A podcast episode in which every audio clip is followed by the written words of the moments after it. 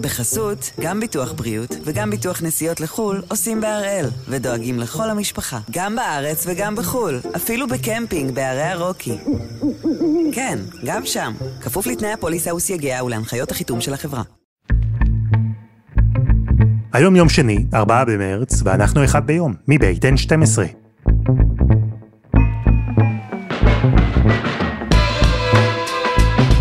אני אלעד שמחיוף ואנחנו כאן כדי להבין טוב יותר מה קורה סביבנו, סיפור אחד ביום, בכל יום.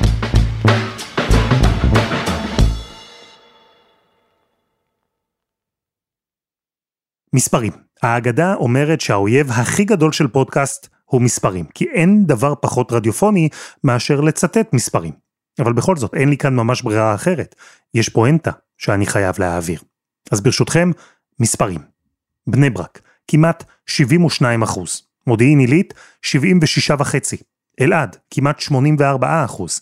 בית שמש, כמעט 66. המספרים האלה הם לא רנדומליים. אלו שיעורי ההצבעה בבחירות המקומיות שנערכו בשבוע שעבר. ואם שרדתם אותם, אז יש לי עוד מספרים עבורכם במסגרת הפואנטה. כי חיפה עם כמעט 44 אחוזים. תל אביב קצת יותר מ-42 וירושלים בסך הכל עם 33 אחוזי הצבעה בבחירות המקומיות. הפואנטה היא ההבדל. בזמן שבערים רבות התנהלה מערכת בחירות מנומנמת, או לפחות התושבים היו מנומנמים לגביה, בערים החרדיות, וואו, יצרים, אינטריגות, תחושה שכל קול קובע הכי לא מנומנם שיש.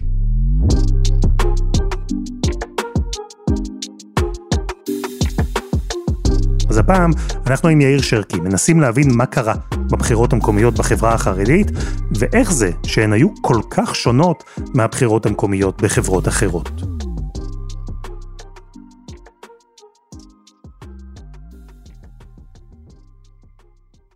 שלום שרקי. שלום אלעד. תשמע, מספיק רק לראות את שיעורי ההצבעה כדי להבין שיש פה בעצם שני סיפורים שונים לגמרי, ממש שתי מערכות בחירות שונות לגמרי, זו שהתנהלה בערים חרדיות וזו שהתנהלה בעצם בכל מקום אחר. שתי מדינות. כלומר, כשמדברים על מערכת מנומנמת ושאנשים לא גילו בעניין, אני לא יודע על מה מדובר. אני מסתכל על הגזרה שלי במגזר החרדי. בחירות סוערות, אלעד יותר מ-80% אנשים יוצאים להצביע, בבני ברק סיפור גדול, בית שמש, איפה שאתה לא מסתכל, אירוע מאוד מאוד גדול. החרדים אומנם גם ספגו ביקורת בוא נגיד על הטקסטים שליוו את המערכה הזאת אה, של הבחירות המקומיות, אבל במהות הם הבינו משהו נכון על פוליטיקה. הם מבינים את אה, משמעות המעשה הפוליטי, משמעות הכוח הפוליטי, יש חינוך לפוליטיקה, והם ממקסמים את הכוח עד הקצה. כי מה, תפרוט לי את זה, כשאתה מדבר על הבנה של המעשה הפוליטי, ואנחנו הרי מדברים על פוליטיקה מקומית, לא ארצית, מה הם מבינים? תראה, המוניציפליות זה הצביון. זה איך נראה היומיום, זה איך נראית העיר. זה בבסיס החינוך החרדי, בבסיס התפיסה החרדית, יש תרי"ג מצוות ועוד מצווה 614, מהי? להצביע בבחירות ועשית ככל אשר יורוך. זה מעשה דתי.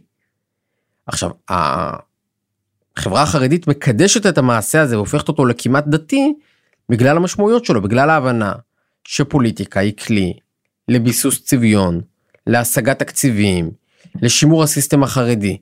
ולכן הפוליטיקה במגזר החרדי היא, היא, היא מגדיר זהות. אתה מצביע לכנסת ולרשות המקומית לאותה מפלגה, שלרשת החינוך שלה אתה גם שולח את הילדים שלך ללמוד. וכנראה ההכשר שאתה אוכל, הכשרות על הבשר, על המזון, מקושר לאותו זרם, לאותה מפלגה. בית הכנסת שאתה מתפלל בו בשבת בערב, מקבל תקציבים דרך אותה מפלגה. כלומר, השאלה למי אני מצביע במקומית היא חלק משאלה הרבה יותר גדולה, מי אני? ולכן גם אפשר להתייחס לזה כאיזה פריימריז פנים חרדי. זה היום שבו אנחנו יודעים מה החלוקה לתתי הפלגים במגזר החרדי. בניגוד לבחירות לכנסת, שם כולם מאוחדים, גוש חרדי גדול מול החילונים. בבחירות המוניציפליות, כל, כל פתית שלג ייחודי, כל חסידות ותת חסידות, יכולה כבר להתבטא. כל כמה מאות קולות, אפשר לסחור איתם. ברשימה למועצה, בבחירות לראשות העיר, ואתה גם רואה, אתה פתאום יש לך תוצאות בבני ברק, אתה יודע היום להגיד מה אחוז הספרדים, מה אחוז הליטאים, מה אחוז החסידים, והדמוגרפיה בעיר משתנה. ולכן בעיניי זה אירוע כל כך מעניין, אני מסקר את החברה החרדית, אומרים לי מה, מה אתה כל כך מתעניין? זה נורא מעניין כי אני, אני רואה תהליכי עומק, אני רואה מי באמת שולט איפה, אני רואה איפה אפשר לכופף את ההנהגה הארצית, אני רואה את היחסי הכוחות בתוך המפלגות החרדיות, הרי אם אתה רואה שנגיד אה, הליטאים דמוגרפית גדלים והחסידים מתכווצים, אז אתה אומר אכפת לי בסוף הגוש החרדי הוא אותו גוש חרדי, לא, אותי מעניין מה הדומיננטיות הליטאית בתוך הגוש החרדי. אותי מעניין שש"ס ממשיכה לגדול על פני האשכנזים. זה בסוף משליך גם על פני החברה החרדית כולה, גם אם לא בטווח המיידי. המלחמה, היא השפיעה? כי הרי אין ספק שהייתה השפעה של המלחמה על הבחירות המקומיות בהמון מקומות. החרדים בהיבט הזה שינו משהו בקמפיינים, באופן שהתנהלו הבחירות, בדפוסי ההצבעה? החרדים התנהגו השנה בדיוק כרגיל. זה היה הסיפור בעיניי, שהם היחידים שהתנהגו כרגיל. כלומר, כל המדינה הגיבה למלחמה, והחברה החרדית בשלה. ויש בזה מצד אחד משהו שמבין את המעשה הפוליטי ואת הדמוקרטיה, מצד שני הטקסטים שליוו את האירוע הזה היו קצת חריגים. כלומר, בסוף אתה מסתכל, ואתה רואה את עוצמת המלחמה באלעד, בשאלה אם יהיה ראש עיר חרדי מש"ס או ראש עיר חרדי אה, חסידי, אתה אומר, רגע, לא יכול להיות שעוצמת האנרגיות האלה מושקעת בין חרדי א' לחרדי ב'. מראים לנו את גדול הדור, את היורש של הרב קניאלסקי מתייפח כשהוא קורא תהילים להצלחת המערכה, ואתה אומר, רגע, על איזה מערכה מדובר?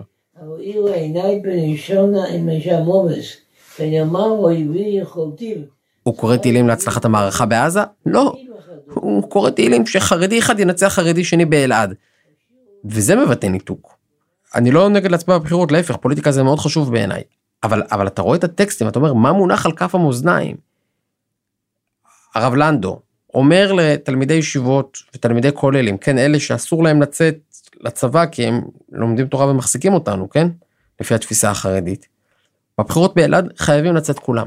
לא להצביע, להמריץ. מתקשרים אליי אברכים ובחורים כל הזמן, האם לצאת לפעול בבחירות באלעד? הם רוצים... כן, לצאת, לצאת, לצאת ולצאת.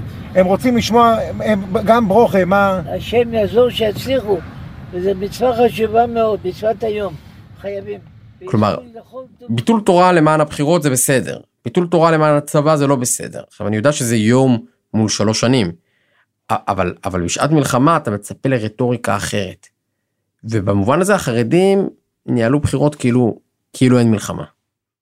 אז קח אותי לכמה מהמקומות שבהם ראינו הצבעה חרדית, ספר לי מה ראינו שם. צריך לחלק פה את השיחה לשני סוגי ערים. יש את הסוג הראשון, ערים שהן חרדיות לגמרי, אלעד למשל.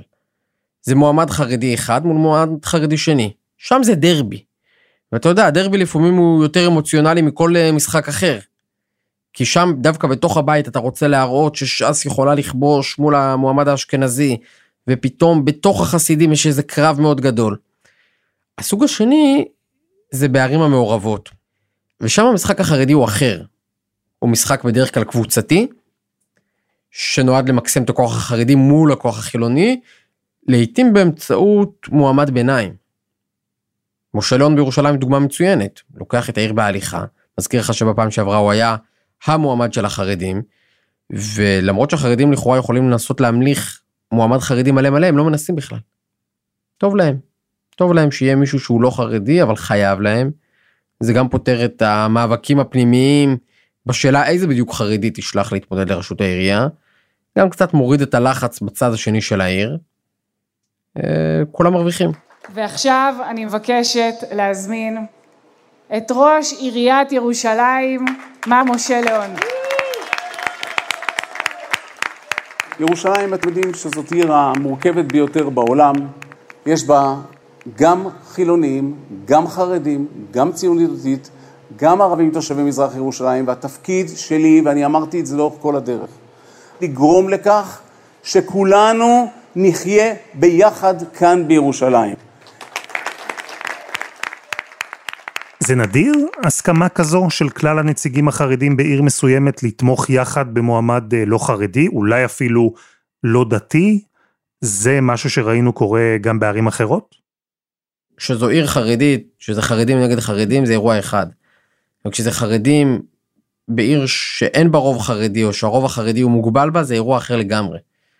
ולכן אתה יכול לראות גם את הדרבים מלאי האמוציות באילת ובבני ברק, סבבה. אבל אתה יכול להסתכל שההישגים האמיתיים, המהותיים של החרדים הם בפריפריות בכלל.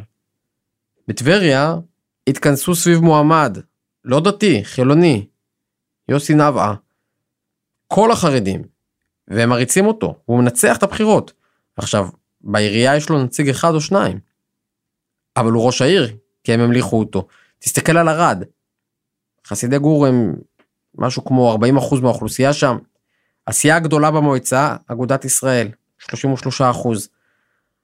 אבל ראש העיר הוא אדם לא חרדי, הוא אדם דתי לאומי. יאיר מעיין היה ראש רשות הבדואים, גור מכתירים אותו, למפלגה שלו יש פחות מ-10% במועצה. כלומר, שים לב למבנה הזה, שבו בערים מעורבות, הרבה פעמים החרדים אומרים, אנחנו נכתיר, כנ"ל באשדוד.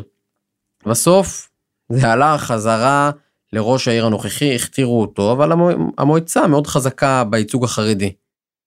אז אני רוצה להוסיף עוד מערכת בחירות אחת, גם מותחת עם הרבה אמוציות, בעיר שהיא מורכבת בכל מה שקשור ליחסי חרדים חילונים, והעיר הזו היא בית שמש. עיר שעכשיו הולכת לסיבוב שני, עם הרבה משקל לשאלה מי ינהל את העיר, וכפועל יוצא מה יהיה הצביון הדתי שלה. בית שמש עיר עם רוב חרדי, יש בה 70 אחוז חרדים. הם צריכים להכתיר בהליכה ראש עיר. אבל הם הלכו שם בשני ראשים, הליטאי מול הספרדי, והשלישית היא עליזה בלוך. עכשיו, התוצאה הייתה מאוד דומה, העיר התחלקה ממש לשלושה חלקים כמעט שווים. ובסופו של דבר, בסיבוב השני זה שמואל גרינברג, המועמד הליטאי של דגל התורה, שרץ מול עליזה בלוך, שקיבלה קצת פחות קולות ממנו. והשאלה עכשיו מה תעשה ש"ס? כי אריה דרעי יכול לעשות שני דברים. המועמד שלו, משה אבוטבול, שהיה ראש העיר, הגיע האחרון, אבל הגיע האחרון בפער קטן. יש לו עדיין שליש מהקולות. השאלה אם הוא הולך עם uh, גרינברג, ואז ממליך ראש עיר חרדי בבית שמש, אבל מתגבר על התיעוב שלו לליטאים וכל החשבונות הפתוחים, או שהוא הולך עם בלוך, ממליך ראשת עיר לא חרדית, כאילו בוגד במחנה החרדי, אבל היא חייבת לו את הקדנציה. דילמה רצינית של דרעי, מעניין מאוד מה הוא יעשה שם. אבל, אבל בית שמש היא, היא מקרה נדיר, דווקא כי החרדים מרגישים בה בנוח. כי הם מספיק קרוב כדי לריב אחד עם השני. אולי אליזה בלוך תרוויח מהדבר הזה, אולי לא. אבל בדרך כלל כש... כשהאחוז חרדים חילונים הוא לא כה מובהק, אז, אז החרדים למדו, הם לא יכולים להתפצל. הם, אה, הם מתארגנים לפעמים מאחורי מועמד לא שלהם. אבל תגיד, שרקי, כשהקרב הוא בין חרדי לחילוני, את זה אני מבין. כשהרוב החרדי בעיר הוא גבולי, את זה אני מבין. אבל גם במקומות שבהם חרדי התמודד מול חרדי, מה שאתה הגדרת דרבי, גם שם עלו שאלות על צביון העיר, או שזה בסוף הסתכם רק במאבקי כוח? תראה, זו בדיוק השאלה, כי אתה מסתכל על הקרב באלעד, הכי אמוציונלי שיש, הכי אמוציונלי שיש. אתה אומר, על מה לעזאזל הם רבים בכאלה אמוציות? סבבה, אני יכול להבין שיש הבדלים כמו חולדאי ברביבאי בתל אביב.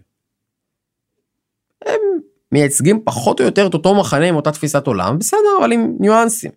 אז אתה אומר ש"ס נלחמת בנציג החסידי. אבל מה שקרה שם זה משהו יותר גדול. כי האירוע באלעד היה שהיה חוזה חתום. אלעד היא, היא, היא עיר עם רוב מזרחי. אבל היה חוזה חתום בין ש"ס לליטאים. פעם שעברה בבחירות הקודמות הליטאים היו צריכים לקבל את העיר, והפעם ש"ס. חתמו על נייר. אלא שבפעם שעברה המועמד של הליטאים פינדרוס נפסל על ידי בית המשפט. הוא לא היה באמת תושב העיר, נפסל. ואז ישראל פרוש החסידי נשאר מועמד יחיד ולקח את העיר בהליכה. עכשיו הספרדים באו לליטאים אומרים אנחנו קיימנו את חלקנו זה שאתם שלחתם מישהו שבית משפט פסל זה לא בעיה שלנו. תנו לנו תמכו במועמד שלנו וננצח בקלות. ואז בא הרב לנדו המחליף של הרב קנייבסקי ואמר את הדבר הבא זה נכון שהרב קנייבסקי חתם איתכם הסכם. אבל אני מסתכל על היידישקייט של העיר ואומר לכם לא לא לא צריך להשאיר את פרוש בכיסא. עכשיו מה זה היידישקייט של העיר? לא יודע איך מתרגמים יידישקייט על היהדות על הצביון היהודי של העיר. תגיד מה אם ייבחר יהודה בוטבול מש"ס העיר תהיה פחות אה, דתית הצביון יהיה פחות. אומר לך הרב אה, לנדו כן. לא רק שהוא אומר לך כן הוא שם על זה את כל הכובד שלו. עכשיו אני כמתבונן מבחוץ על הדבר הזה. אני לא מצליח לפרט לך בצביון מה מה בוטבול יאשר פחות מקוואות מה פורוש יעשה יותר ישיבות ממנו? לא, לא בטוח. אבל, אבל בעולם שבו הפוליטיקה היא, היא, היא מעשה דתי כבר, אז, אז, אז כן, אז גם כשש"ס נלחמת באגודת ישראל או בדגל התורה, שני הצדדים עוטפים את זה ב, ב, בסיפור של צביון, בסיפור דתי. הרי אתה מכיר את המונח דעת תורה, נכון? דעת תורה שצריך לעשות ככה וככה. אני מבולבל, אני אדם מאמין, מסתובב באלעד, ואני שומע שיש דעת תורה שצריך להצביע על יהודה בוטבול, ויש דעת תורה שאומרת שצריך להצביע על ישראל פרוש.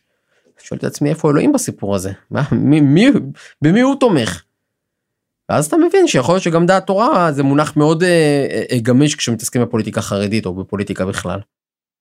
אז תעשה לי סדר במשהו, כי אתה מדבר על ערים שבהן יש הסכמים בין ש"ס לליטאים או בין החסידים, ואתה מדבר על מקומות שבהם אין.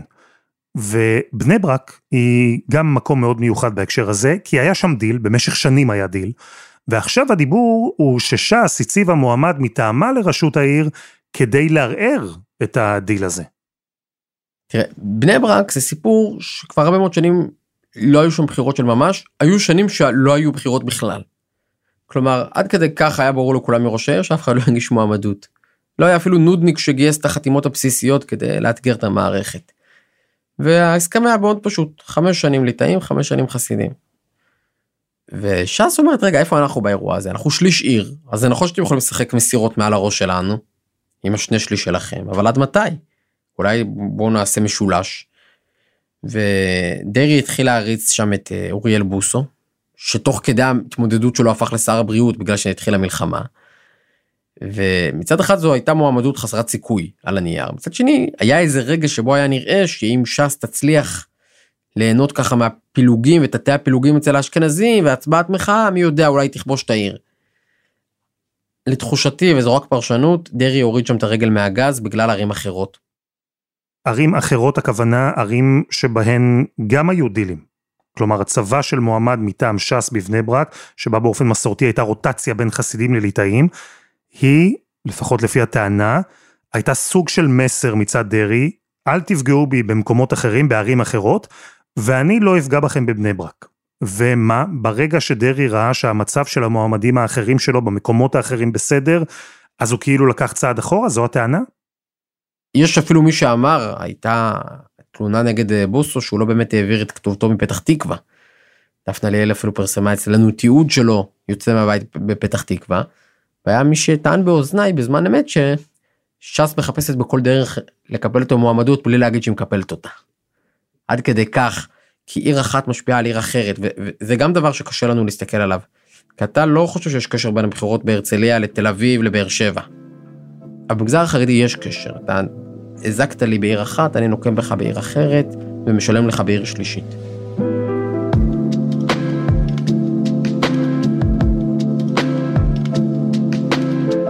חסות אחת וממש מיד חוזרים.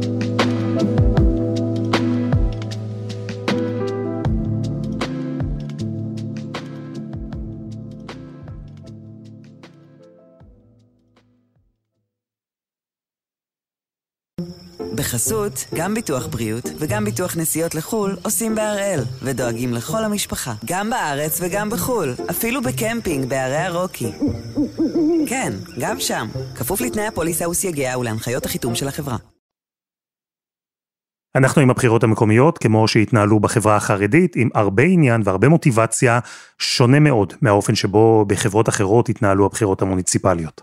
שרקי, אתה הזכרת כל מיני דוגמאות, אשדוד, ערד, אלעד, בני ברק, ירושלים, היו אחרות. העסקאות האלה שדיברת עליהן בין הפלגים השונים בחברה החרדית, הכל עבד כמו התכנון, או שדווקא היו מקומות ששם ראינו חוסר הסכמות? אתה יודע, במאבקים, דרעי מאפס ראשי ערים, הוא, יש לו שניים עכשיו, אחד באלעד, שזה חתיכת אירוע מבחינתו. אה, הליטאים מצד אחד ספגו מכה קשה באלעד, מצד שני בבחירות למועצה הם הראו הרבה מאוד כוח, גם בבני ברק הם הרשימה הגדולה, גם בירושלים, כלומר, יש מקומות שבהם זה ישתלם להם. אז אתה יודע, זה, אתה שואל אותי על החרדים, אני שואל אותך איזה חרדים. גם פרוש הוא חרדי, עולמו חרב עליו. הוא, במאבק הגדול של חייו על אלעד הפסיד אחרי אה, אה, שתי קדנציות. אבל בארצי אני חושב שהחברה החרדית מסיימת את הבחירות האלה בטח בערים המעורבות מרוצה, מסתכלים על טבריה, מסתכלים על אה, ערד, מסתכלים על צפת, מסתכלים על אשדוד. בכל מקום החרדים חיזקו את הרשימות שלהם. ש"ס, אני חושב היום, היא המפלגה הראשונה או השנייה במספר המנדטים בארץ, במקומי. גדלה, ל... גדלה באיזה 40 מנדטים. שמע, אני רוצה לצטט את החמישייה הקאמרית, ברשותך. אם ברמה המוניציפלית זה עבד יופי, זה יעבוד גם ברמה הלאומית? כלומר, אנחנו נראה לדעתך שינוי במאזני הכוח של הקבוצות החרדיות בכנסת בעקבות דינמיקה שנוצרה כאן והצליחה ברשויות המקומיות? יש מי שיסתכל על, ה, על החלוקה של הצירים במוניציפלי ואמר יכול להיות שזה יהיה המבנה הבא של המפלגות החרדיות לכנסת. כלומר, אחת המפלגות ביהדות התורה, חצי מהחסידים יעברו לש"ס ודרעי ידאג להם ויהדות התורה תישאר ליטאים אה, וחלק מהחסידים ואולי סיעות מאוכזבות אחרות אתה מבין? אני לא חושב שזה הולך לשם בסוף המסורות יותר חזקות מהכל וזה. אבל כן היה הייתה הצעה כזאת על השולחן. הדבר השני שזה משפיע לדעתי אתה יודע כשאריה דרעי בא לסדר רשימה אז הוא מסתכל איזה פעיל הביא לו באיזה מקום והוא יודע מה הכוח שלו. אתה יודע מה אולי החסידים והליטאים ירוצו בסוף ביחד כנראה אבל הליטאים יגידו תשמעו במוניציפלי הבאנו במספרים מוחלטים 40 אלף קולות יותר מכם לדוגמה אין לי את המספר המדויק. אז לא יכול להיות שאנחנו נקבל מנדט אחד יותר? וכל ההתחשבנות הזו שאתה מזכיר כאן היא חשובה עכשיו במיוחד כי יש מי שמדבר במערכת הפוליטית על אולי אוטוטו בחירות, לא בצל המלחמה דווקא, אלא הטריגר הפוטנציאלי הוא חוק הגיוס, וההצהרה של שר הביטחון גלנט שלא יהיה חוק גיוס בלי הסכמה של כל הקואליציה ובלי שכולם יישאו בנטל, כלומר המסר לחרדים כאן מאוד ברור. נכון. כשגלנט התבשל והלך לח"כים החרדים ודיבר איתם על הגיוס אמרו לו עזוב תבוא אלינו אחרי המוניציפלי. אז הוא בא אליהם אחרי המוניציפלי רק עם פצצה. האנגובר הגיע. שתו, חגגו, השתכרו. לא עברה יממה, בום טראח הוא מודיע להם שחוק גיוס לא יהיה בלי הסכמת גנץ. ללא הסכמת כלל חלקי הקואליציה, מערכת הביטחון בראשותי לא תגיש את החוק. הנשיאה המשותפת בנטל חיונית לניצחון במלחמה. וזה כאב ראש עצום. ובמובן הזה החרדים מוצאים את עצמם פתאום ממש בפינה. תסביר לי אבל מה הפינה? מה בהצהרה של גלנט על חוק הגיוס מסבך את החרדים? חוק הגיוס האחרון היה בתוקף עד 2023. בסדר? זה, זה היה המועד שהמחוקק כתב, אמצע 2023. אלא שב-2017 בג"ץ ביטל אותו, אבל אמר יש לכם שנה להתארגנות, ואז תמיד ביקשו עוד קצת זמן להתארגנות. 15 פעם בג"ץ אמר להם טוב, טוב, טוב. הוא העריך, העריך, הוא אמר אני ביטלתי, אבל אני יכול להעריך כי, כי אני זה שביטל את החוק, אני יכול גם להעריך אותו. עד 2023. שם החוק מסתיים לפי כוונת המחוקק, בג"ץ לא יכול להעריך אותו מלאכותית. ומאמצע השנה שעברה, אין חוק שפוטר את החרדים מגיוס. תשאל אותי, אז איך הם לא כולם בבקו"ם? כי הממשלה החליטה, העבירה החלטת ממשלה שהיא לא תאכוף את חובת הגיוס עליהם, ותעביר חוק עד סוף מרץ. אנחנו מדברים עכשיו בתחילת מרץ, לא יעבור חוק עד סוף מרץ, ובכל מקרה מי אמר שבתקופת הביניים הזאת בכלל הממשלה מותר להגיד אני לא אוכפת. אם לא חוקקת בחוק, מאיפה, למה את לא אוכפת? עכשיו זאת השאלה שניצבת בפני בג"ץ. והיועצת המשפטית אמרה דבר מאוד מעניין לבג"ץ. היא אמרה נגיד שלממשלה יש סמכות לא לאכוף. נגיד. יש לה סמכות לתקצב האנשים שעל הנייר הם משתמטים? הם עריקים? זה כבר יותר מדי. כסף לא יעבור מסוף החודש. עכשיו בג"ץ עוד לא אמר את דברו אבל אנחנו שמענו את השופטים רומזים שזה משהו שמאוד על השולחן מבחינתם. כלומר תאר לך שמתחילת אפריל הישיבות נחתכות מאוד בתקצוב כי, כי המדינה לא יכולה משפטית להמשיך לתקצב את הבחורים שמוגדרים עריקים. המפלגות החרדיות לא יכולות לחיות עם זה. עכשיו תוסיפו לזה עוד משהו. בני גנץ אומר אני לא אצביע בעד חוק הכבדת הנטל על המשרתים אם אין חוק גיוס חרדים. עכשיו זה לא איום תיאורטי, הכבדת הנטל זה צורך צבאי מיידי של צה"ל. גם אם כל החרדים באים, צה"ל צריך עכשיו, עכשיו, עכשיו. את הלוחמים האלה שכבר מוכשרים, הוא צריך אותם בצפון, בדרום, הוא צריך אותם. עכשיו, כשאתה אומר אני לא אצביע בעד, אתה... מערכת הביטחון, כאילו הרמטכ"ל מתחנן לחיילים. אז, אז יש פה מנוף מעשי. עכשיו, תאר לך שיש רוב לקואליציית ה-64 של ביבי גם בלי, גם בלי גנץ. החרדים יבואו להצביע, וביד שלהם יעריכו את הנטל כשהם, כשהם בלי שירות. איזה צורה יהיה לדבר הזה? זה יהיה מופע הבושה הגדול בתולדות ישראל. ולכן החרדים פתאום בפינה של הפינות, עכשיו הם צריכים להחליט מה לעשות. לקחת איזה פשרה עם גנץ, בתקווה שזה יגלגל את הבלוף לפחות לאיזה שנה, שנתיים, ואז הם יבטלו, אופציה אחת, אבל יש לה מחיר הצהרתי. אתה בא ואומר אני לוקח פשרה. אני מוכן תיאורטית שבחורים יתגייסו. לא לקחת מה אז ללכת לבחירות. אולי כן כי בחירות עוצרות את השעון המשפטי אז הישיבות לא יפסיקו לקבל כסף אחרי הבחירות אתה יודע אלוהים גדול. כלומר אבל, אבל פתאום יש איום פוליטי אמיתי על הממשלה. אתה יודע איך אנחנו יודעים שזה איום פוליטי אמיתי? קודם כל אני מקשיב לביבי. כמה הוא הסביר באריכות שאסור בחירות. בחירות כלליות פירושן הפסקת המלחמה. כלומר תבוסה לישראל. פירושן שיתוק המדינה לפחות לחצי שנה, אולי אפילו לשמונה חודשים. יהיו אמוציות, יהיו מחנות, יהיו התרסות. זה יהיה ירי קטלני בתוך הנגמש הלאומי שלנו. הוא מבין שהאירוע של גלנט אולי מקרב אותן. הדבר שני, אני מקשיב להנהגה החרדית שלא הוציאה הגה. תחשוב את הדבר הזה. פעם היו מוציאים הודעות ומסתערים, דממת אלחוט. הם מבינים שהפעם צריך לסתום את הפה ולהתארגן. טוב, וראינו ברשויות המקומיות, להתארגן יחד כשצריך, את זה ההנהגה החרדית על כל גווניה יודעת לעשות. שרקי, תודה. תודה אלעד.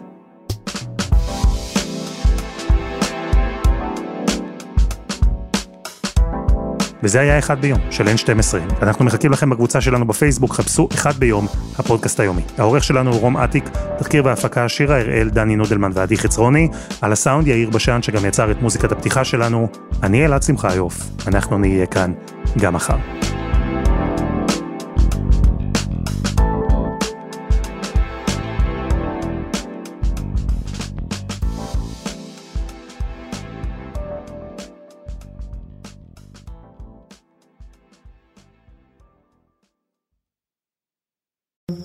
בחסות, גם ביטוח בריאות וגם ביטוח נסיעות לחו"ל עושים בהראל, ודואגים לכל המשפחה, גם בארץ וגם בחו"ל, אפילו בקמפינג בערי הרוקי.